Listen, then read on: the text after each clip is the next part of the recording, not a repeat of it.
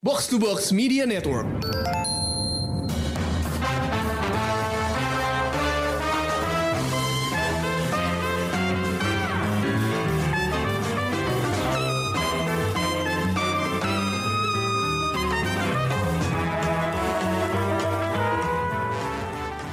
Pendengar Showbox, ketemu lagi sama gue Amy yang di episode kali ini bakal bahas sebuah film karya anak bangsa, cie, yang baru saja tayang di Netflix uh, akhir minggu lalu ya kalau nggak salah. Dan bersama temen gue, bersama gue maksudnya ada dua temen gue yang akan membahas uh, film ini. Ada siapa aja? Halo. Halo, ada Bunga di sini. Dan Halo, aku Ica. Hai, oke uh, kita udah siap nih ya film yang kita bahas. Judulnya rada panjang, jadi gue gue harus nyatet dulu tadi makanya Kenapa lama. Awas keserimpet nyebut judulnya. Ya makanya harus pelan-pelan nih gue nyebutnya nih, soalnya kita bakal membahas seperti dendam, rindu harus dibayar tuntas, alias Vengeance is mine, all others pay cash. Itu menurut gue salah satu judul uh, paling provokatif Ya. di perfilman Indonesia dalam beberapa tahun terakhir. Karena kalau misalnya gue denger judul ini, gue langsung kepengen nonton kayak, wah, what the hell is it? Iya sih. Kayak, iya sih? Seru banget, beli aja. Judulnya keren. itu dia makanya tapi filmnya sekeren itu nggak sekeren judulnya nggak gitu nah itu yang harus kita lihat lagi kan um, gue mau langsung masuk aja jadi anggap ini adalah spoiler warning kita nggak bahas sinopsis uh, kita langsung terjun ke inti dari filmnya Uh, jadi kalau yang mau dengar podcast ini sebaiknya udah nonton dulu ya di Netflix. Uh, kalau misalnya suka spoiler atau pengen tahu dulu, ya nggak apa-apa sih. Tapi uh, asal tahu aja kita nggak ada kayak hati-hati ya ini uh, ada spoilernya nggak. Kita udah langsung masuk aja deh pokoknya. Karena gue penasaran banget sama pendapat uh, Ica sama Bunga tentang film ini. Uh, nih gue nanya langsung nih, initial reaction kalian setelah selesai nonton apa? Suka atau nggak suka? Gimana, Mbak Bunga? Siapa duluan, Ceh? Silakan. Eh, kalau gue lumayan sih. Jadi kayak overall sebenarnya masih suka, cuman ada beberapa hal yang agak menggan- apa ya? Ada agak kurang lah gitu kalau buat gue. Hmm. Oh, gitu. Soalnya kan eh, ya bisa dibilang lumayan heboh ya ininya. Maksudnya walaupun kemarin pas dia main di bioskop kan akhir tahun lalu ya. Hmm, Itu Desember. kan eh, eh, itu kan sebenarnya penonton juga belum terlalu rame lah, bioskop juga baru buka gitu dan tapi dari yang nonton tuh rata-rata kan reviewnya hore banget gitu kan. Hmm. Terus kalau gue sih sebenarnya eh, suka ya, cuman ya itu nggak yang full on, wah keren banget gitu. Bagus sih, tapi gitu. Oh, Oke oke oke. Berarti lo nonton di bioskop, Chan? Eh, di bioskop. di bioskop. Bioskop, Di bioskop pada kemarin pada saat tayang. pada Iya, saat ha. tayang rilis umum ya, bukan Hari pertama aja. Wah, gila. Wah, keren banget. Oke. Kalau Ica gimana, Cak? Aku justru di Netflix. Oke. Di Netflix dan kayak bener-bener baru beberapa hari lalu. Pas tayang tuh aku langsung masukin apa tuh notification. Jadi kalau pas tayang langsung eh, ada notificationnya kan gitu. Karena Hmm. aku penasaran banget sama film itu. Terus pas nonton tuh aku kayak sama sekali kan gak ada ekspektasi dan aku tuh nggak tahu cerita tentang apa gitu loh. Karena jujur film ini gak, nggak masuk ke radar aku gitu sama sekali gitu. Jadi pas pas nonton kebayangkan shocknya lima menit pertama. Udah Oh. denger ada, wah ada burung-burung. jadi shock banget gitu. Tapi setelah shocknya reda gitu ya, lama-lama eh, gue tuh jadi kayak invested banget sama si Ajo ini dan ceritanya kok makin lama makin seru ya gitu. Jadi kalau gue sih jujur initial reactionnya tuh suka banget banget banget. Sampai di Twitter gue kayak nulis reviewnya banyak gitu. Saking sukanya gitu. Oke, berarti uh, udah udah ada satu yang suka banget banget banget, satu lagi yang suka tapi kalau gue reaksinya lain lagi. Gue suka sih, Heeh. tapi kok gue nggak ngerti ya. gitu. Jujur aja, gue semalam nonton nih hari Minggu malam nonton, terus kayak eh, kayaknya otak gue lagi nggak nyambung deh. Coba lagi deh eh, Senin Senin sore kali ya gitu lebih lebih enak gitu. Tapi ternyata nggak masuk juga. Akhirnya percobaan ketiga pagi ini yang benar-benar gue baru bangun banget, terus fresh gitu. Tiba-tiba, oh oke, no I get it gitu. Tapi itu pun dengan pertanyaan-pertanyaan yang masih apa ya eh, masih nempel di otak gue gitu jadi apa gue nggak nyampe atau filmnya ngebingungin gue nggak tahu deh Filmnya absurd gitu ya, bukan absurd ya, tapi kayak berani banget ya dari cara analoginya gitu-gitu. Iya, Mm-mm. tapi itu dia kayak gue nggak nyampe gitu loh. Kayak apa sih sebenarnya yang yang pengen di diomongin gitu. Gue gue jujur aja gue harus membaca beberapa review dulu untuk akhirnya mengetahui apa inti permasalahannya gitu. Nah, eh, kalau gue kan gitu ya. Tapi kalau dari bunga, misalnya kan tadi dia bilang suka tapi, nah tapinya tuh kenapa bunga? Eh, inti permasalahannya sih jelas lah ya kalau menurut gue Hmm, masalahnya si Ajo Kawir yang eh, apa nggak bisa ngaceng itu. Sebenarnya kalau dari gue eh, as a whole gitu sih filmnya em, ceritanya ini banget ya ceritanya ya kayak kayak judulnya sih cerita provokatif cerita tuh berani banget bisa bawa Hmm. ke arah situ. Hmm. Terus eksekusinya juga sebenarnya bagus ya. Cuman em, kalau dari gue yang gue ngerasa kurang itu gue tuh ngerasa ada beberapa adegan cukup banyak malah kayaknya Hmm. eh, yang kayak nongol bentar terus langsung pindah adegan pindah adegan. Jadi kayak Hmm. hmm, agak berasa choppy gitu loh, flow-nya kayak kurang smooth gitu. Jadi eh ya mungkin gue gue kadang mikir ya apakah itu intentional gitu karena kan film ini kelihatan eh, kelihatan banget memang berasa seperti kayak mau apa ya eh meniru film-film terutama film Indonesia film action kelas B di era 80 90-an Hmm, kan. iya. Eh, jadi I don't know if that's intentional gitu dibikin yang kayak alurnya cepet. Soalnya pacingnya tuh berasa cepet banget dari awal sampai akhir. Hmm. Kayak em, jadi gue kayak agak-agak pas nonton tuh, hah ada beberapa karakter misalnya yang nongol terus tahu-tahu udah hilang kayak nggak jelas backgroundnya atau gimana gitu. Hmm. Em, ya mungkin tapi penting juga buat cerita ya. Jadi mungkin em, karena ini adaptasi novel kan, novel Eka Kurniawan. Hmm. eh yang sayangnya gue belum baca, jadi gue nggak bisa bandingin. Hmm. Cuman eh, kadang-kadang tuh film adaptasi apa ya kayak mungkin ingin memasukkan banyak hal yang ada di buku sumbernya. Ya. Cuman kan kejar-kejaran sama durasi ya. Hmm. Apakah karena itu eh ya mungkin buat buat sebagian orang itu nggak ganggu sih. Cuman gue pas nonton tuh agak-agak eh apa ya, hah, kok gini gitu. Tapi kayak tuh, ah, sorry, sorry. gimana? gimana Ca? Lanjut Ca. kan dari buku ya. Jadi mungkin uh, saudaranya pengen semua yang ada di buku itu dimasukin gitu loh supaya nggak tahu mungkin buat menyenangkan Nah. pembaca mungkin nggak tahu. Maybe karena bukunya juga sebenarnya kan udah punya fans tersendiri gitu ya. Mm. Lumayan terkenal juga gitu. Itu gue nggak tahu sih. Sayangnya kita belum ada yang baca bukunya sih ya, jadi nggak bisa bandingin kan. Tuh Cuman bukunya udah agak lama bukan sih? Kalau Udah. salah ya. Iya, Udah berapa tahun gitu kan udah lewat. Jadi it's- iya ya. sekarang-sekarang ini tuh bukan lagi populer-populernya gitu. Jadi Tapi udah punya fans sendiri jadinya. Ya, tapi eh, kita nggak kepikiran buat ngebeli gitu kan sebelum kita Iya. nonton film ini.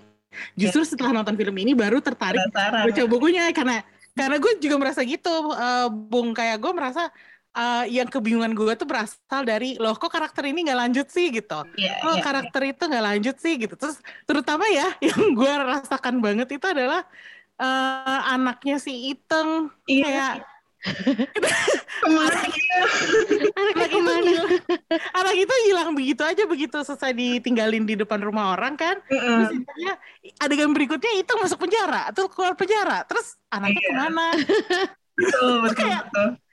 Kayak hah dan itu tuh lumayan banyak adegan kayak gitu gitu dan se sepemahaman gue setiap karakter di sini karakter utamanya ya maksudnya dari si apa namanya hmm, Ajonya terus si siapa Itengnya terus eh, si Jelita itu itu kan mereka semua punya trauma masa lalu kan Iya, Mm-mm. betul.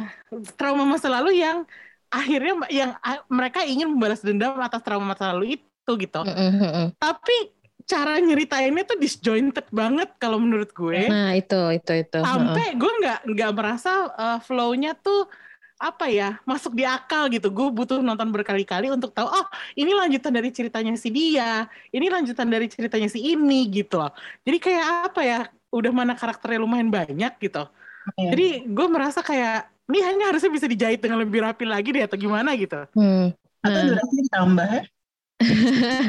Ini aja udah panjang ya nggak sih? Susah tapi buat film bioskop lah, Ca, panjang-panjang. Ya. Iya sih. Iya, berarti lo kurang lebih ini ya sama sama gue ya. iya, tapi Maksudnya- maksudnya, iya dan kan dan itu kalau menurut gue eh, lebih terasa di second half gitu. Karena kan nih eh, dari awal ke tengah itu kan lebih fokus ke kisah cintanya si Itong sama Joko Kawir baru Iya. ketemu Hmm, gitu kan kayak how they get together gitu. hmm, itu lucu banget tuh sampai situ akhirnya kawin segala macam tapi terus things get serious and weird gitu Iya. yang eh, mereka kayak ceritanya jadi kepecah masing-masing dan masing-masing juga ngurusin dendam dan traumanya sendiri kan trying to cope Hmm, segala macam hmm. gitu tiba-tiba jadi banyak karakter-karakter lain yang nongol yang eh, ya memang mungkin penting ya untuk ceritanya ya cuman lagi-lagi tadi I don't know if it's because of limited runtime gitu atau gimana. Second half-nya tuh berasa agak kayak apa ya? Kalau buat gue kayak penuh dan ya gitu, kayak cepet gitu loh. Kayak hmm. feels a bit rushed, I think. Hmm, Iya, kayak se- sebenarnya kayak gue ngerasanya itu kayak pengen buru-buru selesai gitu loh. Eh, bukan karena filmmaker jadi bosen sama ceritanya atau gimana, cuman kayak I think it's just too much, ngerti gak sih? Kayak Iya. si apa namanya Edwin itu jadi kayak mana duluan yang gue masukin gitu, jadi kayak, kayak kalap masukin semuanya gitu. Ya, itulah memang eh, satu ya sedikit kritik bagi film ini. Em, tapi supaya kita bisa ngimbangin kritiknya, eh, bagian bagusnya di mana? Coba deh Ica dulu. Menurut gue sih pasti yang harus diomongin production value ya. Itu Oh. eh, gokil banget sih karena eh, kayak dia tuh nggak cuma berhasil bikin setting 80-90-an gitu, tapi bikin setting 80-90-an yang familiar bagi kita gitu loh. Jadi kayak bukan Hmm. cuma sekedar ada lokasi terus dadanin gitu ala 80-an terus Mm-mm. orang didadanin ala 80-an dengan rambutnya segala macam tapi kayak kita jadi keinget gitu zaman-zaman dulu zaman-zaman suka eh, lagu-lagu 80-90-an gitu suka inget sama bintang-bintang film zaman dulu jadi kayak pokoknya atmosfernya benar-benar kerasa nggak fake gitu Hmm. Effortless banget ya, beneran Iya. kayak nonton film zaman dulu. betul dan kita kayak benar-benar dibawa ke era itu jadi keren banget dan bikin kita jadi semakin relate dengan ceritanya gitu sih keren banget production value-nya sih Iya Iya sih, gue setuju, Itu setuju. banget sih. Iya sih. Setuju. Iya. Ya itu itu kayak salah satu juaranya banget sih. Kayak detail-detail kayak itu yang kirim-kiriman salam di radio itu lucu banget. Iya, itu ya Allah. itu dia, ya Allah. Oh, Masih-. Gue sampai mikir gini, masih ada ya kayak gitu. Oh iya, masih ada lah orang itu tahun 80-an, 90-an. kayak gemes banget ya kayak gituan terus kayak ngambek gitu nggak di detail-detail yang gitu tuh kayak benar penting banget sih menurut aku Iya, Heeh, romantis heeh. gitu Iya, Sebenarnya kayak masih ada sih radio kayak gitu di zaman sekarang tapi jarang banget sih kalau menurut gue. Yang ada siapa misalnya dari apa namanya eh, Sri dari Bekasi mau ngirim salam ke Mas siapa gitu di Tangsel gitu. Kayak aduh. Padahal udah gak ada yang denger ya. Sama yang aku suka banget itu skornya. Oh iya. Iya, iya. Iya iya iya iya itu Keren banget. Skor dan soundscape ya, sound editingnya juga itu keren banget gitu. Bener-bener Iya, iya, bisa ngebangun kayak ada suara-suara pohon, suara radio jadul gitu ya. Kerasa banget gitu soundscape-nya tuh keren banget sih. pas mulai aja suara motornya udah bikin kesel. Betul. kayak otentik banget gak sih kalau menurut gue sih itu adegan yang pembukanya tuh bagus banget karena kelihatan otentiknya gitu dan Iya. apa eh, tampilan orang-orangnya itu kayak aduh gerah banget gue ngeliatnya tapi Iya bener-bener. tapi ya memang seperti itu kan pada zaman itu kayak rambut keriting kostumnya segala terus, ya kan. jaketnya yang kayak apa sih warna-warnanya tuh yang acak kadut gitu ya Anak-anak tuh juga didadarinnya pas gitu ya. Iya, Jadi iya, cuma iya. karakter utamanya aja yang diperhatiin gitu. Mm, Karakter mm, mm. utamanya itu juga pas gitu, keren sih. gila ya karakternya unik-unik sih sebenarnya semuanya Iya, iya. Terus eh, apa ya kayak gue merasa di masing-masing karakter tuh didesain dengan bukan hanya dengan baik ya, tapi dengan natural gitu. Iya. Kayak eh, ada satu film Indonesia lain yang gue nggak sebut judulnya, yang bulan Januari lalu tayang di Netflix juga. Itu kan dia juga katanya mendesain karakter kan, masing-masing karakter yang ada di film dia itu dia desain dengan baik gitu. Cuman setelah nonton, kok desainnya terasa kurang natural ya? They look like characters gitu. Sementara di film ini, di seperti dendam ini, gue menurut gue karakternya tuh apa ya bukan seperti didesain tapi memang mereka adanya seperti itu gitu Iya. makanya gue sih kagum banget sih sama Iya. apa ya kecermatan sutradaranya dalam mengkompos semua ini Uh, gimana yang jelasinnya ngerti kan maksudnya believable gitu dari karakternya. ya ya gitu. ya Dan benar-benar kayak nggak nonton film sebenarnya gitu ya. Iya iya iya. tapi yang gue denger katanya salah satu aspek produksinya di di dicela orang ya yang apa bahasanya katanya terlalu kaku Ada ada yang Ini baca-baca Twitter thread ya. oh, oh. kalau menurut gue justru bahasanya penting banget loh dibikin seperti itu. Karena nggak ada hal lain yang lebih nyebelin daripada kalau lo nonton sebuah film sejarah. Dan ini bisa dibilang film sejarah kan period movie karena terjadinya di masa lampau gitu. Terus mereka pakai bahasa modern kayak lo nonton apa ya misalnya film cowboy zaman dulu terus udah gitu eh, film cowboy misalnya di tahun 50-an gitu. Settingnya tahun 50-an gitu. Tapi terus nanti bahasanya tuh bahasa LA zaman sekarang gitu. Itu ngeselin banget gitu. Dan ada beberapa film tuh seperti itu gitu. Dan gue nggak suka gitu. Makanya kalau menurut gue bahwa ini bahasanya kaku dan bahasa baku itu pas banget. Autentik gitu ya. Iya. iya dan, Dan ya lagi-lagi balik ke tadi itu sih. Itu tuh bagian dari bikin film ini semakin berasa. Emang kayak beneran produk dari tahun era itu akhir 80-an 90-an karena ya kalau diingat-ingat zaman dulu kan film bahkan sinetron gitu juga kan hmm, ke- apa ngom- ngomongnya kayak gitu. Dialognya emang masih yang kayak dialog baku banget gitu kan. Iya. kan kadang sampai sekarang pun bahkan masih ada aja film yang kalau kita nonton yang kayak hmm, I don't think real people talk like that gitu Iya, kan. Iya. Ah, gitu. Jadi justru kalau gue jujur waktu nonton awalnya sempat agak-agak eh kok ngomongnya gini ya cuman dengan cepat gue bisa terbiasa gitu loh jadi Hmm. uh, that's not an issue for me sih justru menurut gue itu salah satu keunikannya Iya, Iya. dan mendorong jadi lebih bagus gitu ya. Iya, mendukung iya. gitu, mendukung. Mm-mm, mm-mm. Dan kalau menurut gue kayaknya bahasa yang percakapannya ini seandainya film ini diputar di luar negeri jadinya nggak terlalu berpengaruh nggak sih kayak ya udah di subtitle juga kan subtitle itu kan pas- pasti bahasanya rada-rada baku juga gitu. Jadi kalau menurut gue not a problem sih. Makanya gue heran kok ada yang mengkritik bahasanya ya. I don't know lah. Tapi Kebanyakan itu bahasa jaksel. ini ini kan semua anak jaksel loh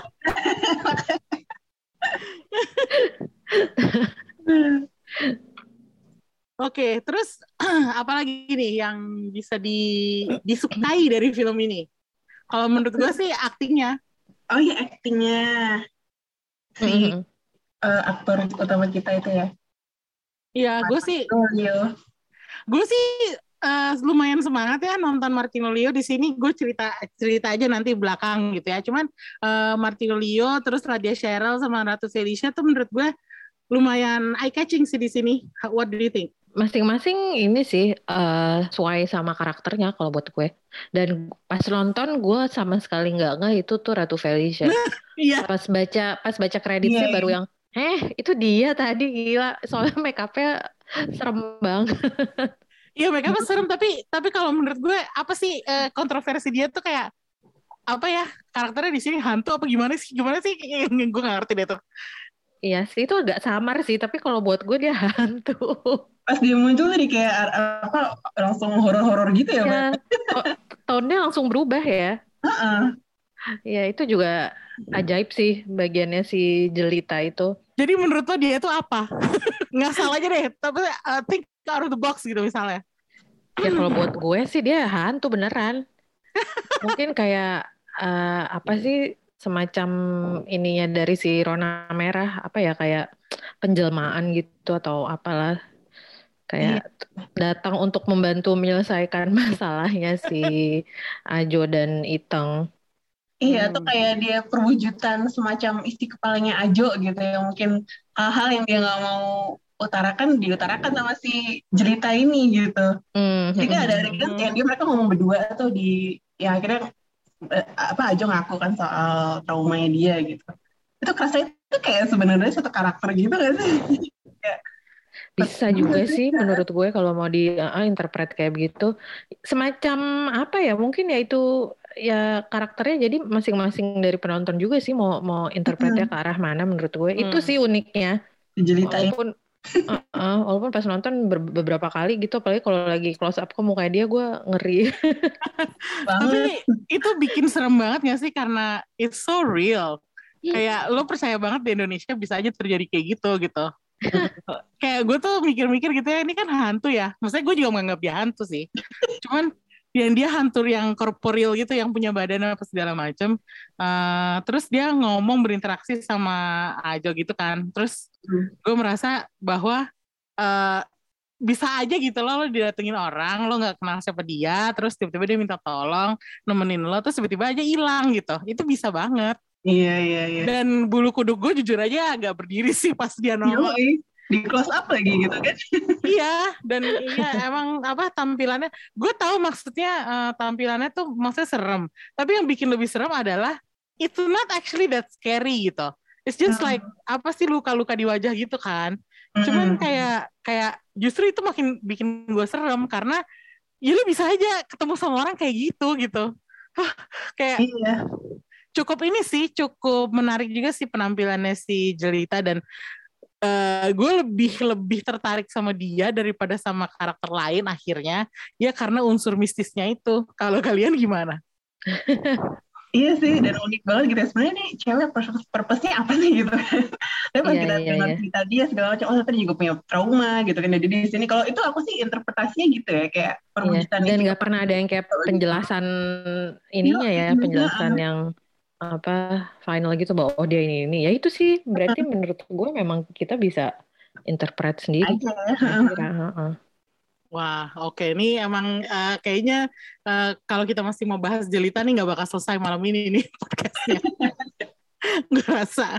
Oke, em, sebenarnya yang gua, bikin gue rada bingung juga tuh adalah si Jelita kan maksudnya apa ya ada di situ, tapi akhirnya dia ngebunuhin orang juga. Itu berarti kan ya dia semacam vengeance, the spirit of vengeance gitu ya.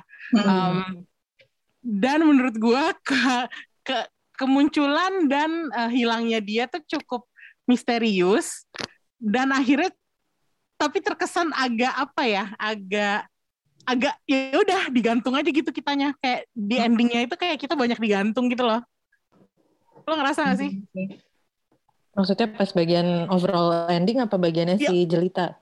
over ya bagiannya Jelita dan overall ending juga sih kalau menurut gue karena menurut gue itu berturut-turut adegan sequence adegannya tuh kayak ya udah misteri misteri misteri terus ada jawaban gitu kayak ngerti gak sih kayak ya udah digantung aja gitu Iya, dan lebih ke kisah cintanya si Kaijo sama Iteng ya.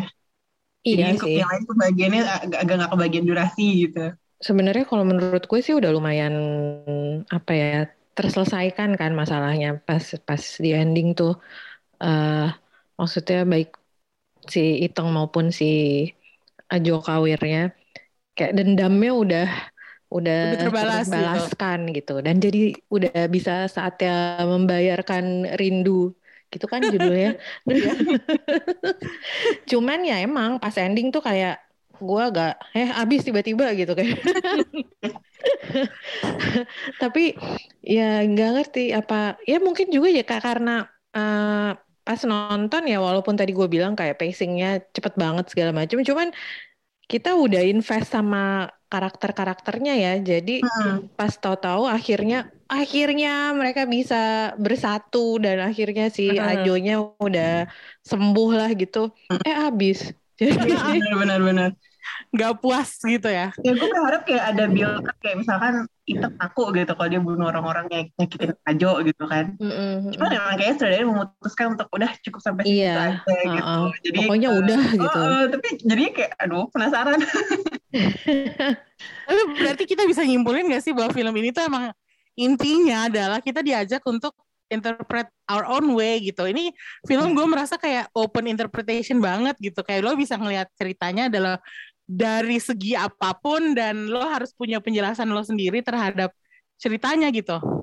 Kalau gue sih merasa kayak gitu ya. Kayak sepertinya Edwin emang nggak mau ngasih jawaban yang plek-plek. Ini Iya, loh jawabannya gitu. Betul. Karena trauma itu kan kompleks ya. Jadi mungkin kayak Aijo cara menyelesaikan trauma di gimana, terus Ethan kayak gimana, terus terserah mereka aja masing-masing gitu ya.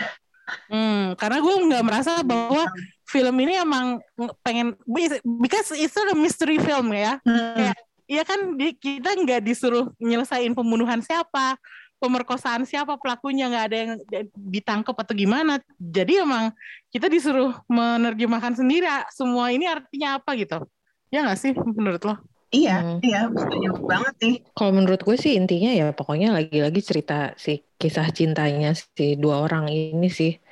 Jadi hmm, si Ajo Kawir sama Itang. Ya, yang yang awalnya ya ya itu tadi nggak nggak bisa bahagia bersama karena masing-masing ada trauma masa lalu yang belum terselesaikan gitu dan akhirnya hmm. akhirnya dengan cara macem-macem endingnya kan bisa dibilang happy ending dong berarti kan. Kalau kita tidak memperhatikan polisi itu. Iya. Ya, kayak berhenti di situ doang gitu ya. Ya gimana ya kayak happy ending tapi ya ya gitu gitu. Jadi jadi sebenarnya sih kalau buat gue ceritanya udah lumayan uh, semacam udah full circle gitu. Cuman ya memang apa kayak dikatnya dadakan aja gitu. Benar-benar. Hmm. Dan mungkin pengennya sih agak lebih mengadres apa tuh uh, kan ini ngomongin toxic masculinity juga kan dengan cowok yang kayak harus selalu ngaceng yeah, lah yeah, atau yeah, gimana yeah. gitu kan. Terus sih paling nggak itu bagian itu udah ke deliver lah kayaknya sih. Hmm, hmm, oke. Okay.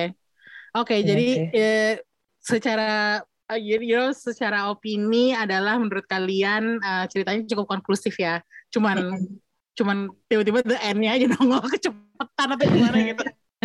Puas gitu. kalau gue sih, gue juga gue juga bilang ya kalaupun memang harus menginterpretasi sendiri, gue nggak keberatan karena gue nggak nggak perlu setiap cerita tuh ditutup dengan pita yang manis gitu. Iya. Jadi kayak apa sih justru malah uh, kalau gue boleh bebas menginterpretasikan, ya udah gue interpretasikan cara gue sendiri gitu. Yeah, yeah. Nah, jadi overall menurut gue filmnya cukup memuaskan sih. Maksudnya um, meskipun ada kekurangannya, meskipun ada kejanggalannya, tapi secara hiburan, gue cukup terhibur dengan film ini. Menghibur sih. Banget, ya, banget. Meskipun gue harus nonton tiga kali ya, meskipun gue harus yeah. ngulang-ngulang nontonnya, tapi gue nikmatin sih prosesnya. Jadi, um, oke okay, nanti kita kasih bintang nih yang gue mau tanya ini dari kalian nih pendapat kalian tentang si bintang utama Martino Leo. Karena gini gue punya cerita. Uh, hmm. Berapa tahun yang lalu gue ngewawancarain Mike Wiluan waktu dia lagi promo serial HBO Grise. Terus gue tanya kan castingnya siapa. Terus uh, si Mike tadinya nggak mau ngebuka gitu. Dia malah jawab kayak gini. Ya semua orang maunya lihat yang udah terkenal kan. Seperti Reza Rahadian, Aryo Bayu, Arifin Putra, dan sebagainya. Tapi saya mencari yang lebih segar dan belum terlalu dikenal. Itu jawaban Mike. Itu oh. akhir 2017. Dan okay. waktu Grise tayang di 2018, tiba-tiba yang diumumin sebagai pemeran utamanya adalah Martino Leo. Tuh. Oh. Jadi sekarang kita di sini nih sebuah film Indonesia uh, yang menang penghargaan internasional. Uh, lead aktornya adalah Martino Leo dan bukannya Reza Rahadian. Reza Rahadian di sini hanya menjadi pemeran pendukung.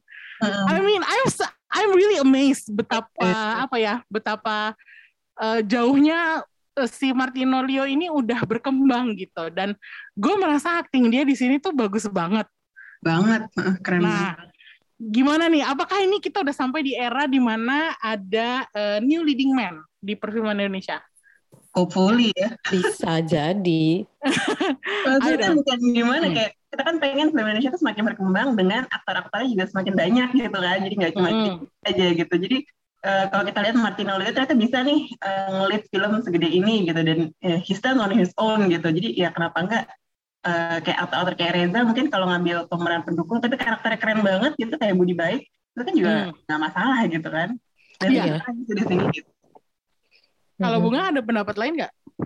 Hmm, sama sih kurang lebih. Maksudnya ya bagus kalau udah mulai ada aktor-aktor lain yang bisa apa sih ngambil peran utama juga dan bagus gitu ya. Hmm. Jadi karena gue sebenarnya agak sebel kalau orang ada yang bilang ah Reza lagi Reza lagi gitu kayak ya sebenarnya nggak Reza terus sih, cuman kayak watch more Indonesian films gitu. Iya iya iya. iya. cuman ya kebetulan aja film-film yang populer-populer itu kebanyakan dia yang main dan emang dia soalnya uh, aktingnya memang bagus gitu loh. Yeah, he's a good actor ya. Yeah. Ya, kalau di sini juga eh, dia kan karakter pendukung ya, tapi kalau lo lihat-lihat dia itu si karakternya si Budi itu tuh kayak penggerak cerita loh. Iya, iya. Iya, keren banget. Begitu dia muncul tiba-tiba ceritanya langsung kayak Iya, itu kan kayak mereka si Ajo gitu. sama Iteng tuh jadi buyar nggak bisa nahan Iya, emosi iya, terus iya. mulai bunuh orang tuh kan gara-gara awalnya dikerjain sama si Budi gara-gara dia cemburu kan. Dan Iya. Reza itu menurut gua keren banget sih kayak dari awal dia nongol aja tuh yang udah ah, sleazy guy banget gitu Iya. Terus liatnya. kerasa nggak sih karena dia ini bukan pemain utama gitu ya, pemain mendukung dia kayak mainnya tanpa beban gitu loh. Iya. Dan Iya. Jadi Iya. bener-bener beda banget kita lihat Reza yang nggak biasa kita lihat itu keren banget sih. Hmm. Ya ini sih bagus banget mainnya menurut gue. Hmm. Jadi kita harapin aja ya si Martino Leo makin sukses ke depannya. Iya, ke- Ah. kalau nggak salah ke depannya udah ada beberapa proyek ini kok dia kayaknya cukup apa ta- tapi nggak sempet nyatet tadi ya sebenarnya.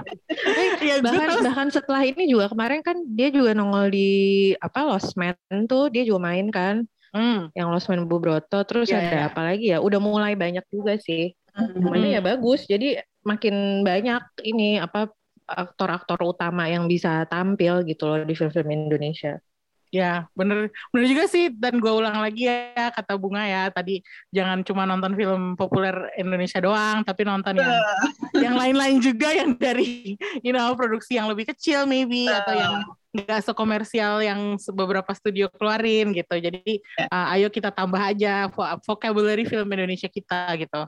Soalnya gue juga melakukan hal itu kok, karena gue sebenarnya nggak ngerti film Indonesia. Eh, tapi terpaksa harus ngerti karena mak- film Indonesia makin banyak dan makin bagus gitu. Makanya gue harus mulai, gue udah mulai nonton film Indonesia nih. Jadi jangan ketinggalan sama gue. gitu. Eh, Bentar. Eh, tapi tadi habis ngomongin si aktor-aktornya apa si Martino Leo dan si Reza, kita Hmm. harus ngomongin Lady Cheryl juga sih menurut gue kalau ngomongin film Oke, ini. ya emang bener sih. Itu apa karakternya soalnya juga ini banget kan, beres banget gitu keren Hmm. dan dia bisa Iya. maininnya dengan bagus padahal kayak Iteng badannya kecil gitu cuman kayak garangnya sama aja sama si Ajo gitu. Pas dia yang gaya-gaya berantem ala Black Widow itu. itu gue Iya ya. shock banget tuh lihat.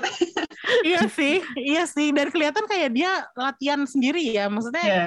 no apa nggak memakai stunt woman atau gimana gitu. Maksudnya ya I don't know. Oh, Eh, Yang pasti sih berantemnya kelihatan ya. kelihatan believable ya. Padahal kan ya itu tadi kayak dia badannya kecil gitu loh kayak Iya, apa? iya. ah, ah, cuman ini sih kayak bisa bikin ah gila ini serem juga kalau mesti ngelawan nih cewek gitu loh. Iya. Salah satu yang bikin aku suka banget film ini sebenarnya karakternya Lady Cheryl itu Itang ini gitu. Iteng ya. Lah dia Hmm. tuh dia tuh emang jago banget ya actingnya gitu loh. Salah satu aktris favorit aku lah di Indonesia gitu. Nah di sini kayak dia bisa gitu ngebangun balance antara cewek yang traumatis, dia badass, tapi dia juga masih serang cewek gitu. Kayak waktu dia eh, nengok Ajo di penjara terus Ajo nggak mau ketemu, terus dia nangis gitu kan. Terus sedih banget ngeliatnya. Jadi kayak bener-bener tadi bisa menggabungkan semua karakteristik karakteristik ini ke satu cewek gitu namanya Itang itu keren banget sih menurut gue salah satu penampilan terbaik dia menurut gue Karakternya juga bagus ya soalnya ya. hmm, keren banget Hmm. Padahal dia jarang main film ya. makanya Udah Kalau lama, dilihat kan, eh, eh, udah lama kalau nggak main dilihat film. kan emang jarang banget main film terakhir tuh Iya, kalau nggak iya. salah ada apa dengan cinta deh. Atau ada lagi kali nggak tahu. Gue ada lagi sih Ada ada lagi ada lagi setelah setelah itu. gue gue soalnya ingetnya dia yang dua ah, pasti eh, ada apa dengan cinta yang sequel Nggak ada dia doang. di situ. Hah? Di sequel nggak ada. Nggak ada ya nggak Nggak ada ada ada ada film pendeknya oh Ada ya? Apa sih? nanti deh gue cek lagi deh soalnya waktu itu kan kalau nggak salah ada beberapa ini ya apa sih namanya kayak eh oke let's table that discussion Um, Tapi emang dia udah lama nggak nggak main Hmm. film. Jadi ini semacam comeback gitu sih.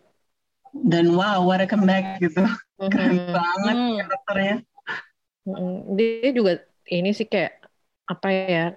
Emang udah cocok banget sama Edwin kali ya. Karena dari dulu kan Iya. film-film Edwin hampir semua yang apalagi yang dulu-dulu dia dia terus gitu kan yang main kan. biasanya ya Heeh, iyalah semacam Muse ya. heeh.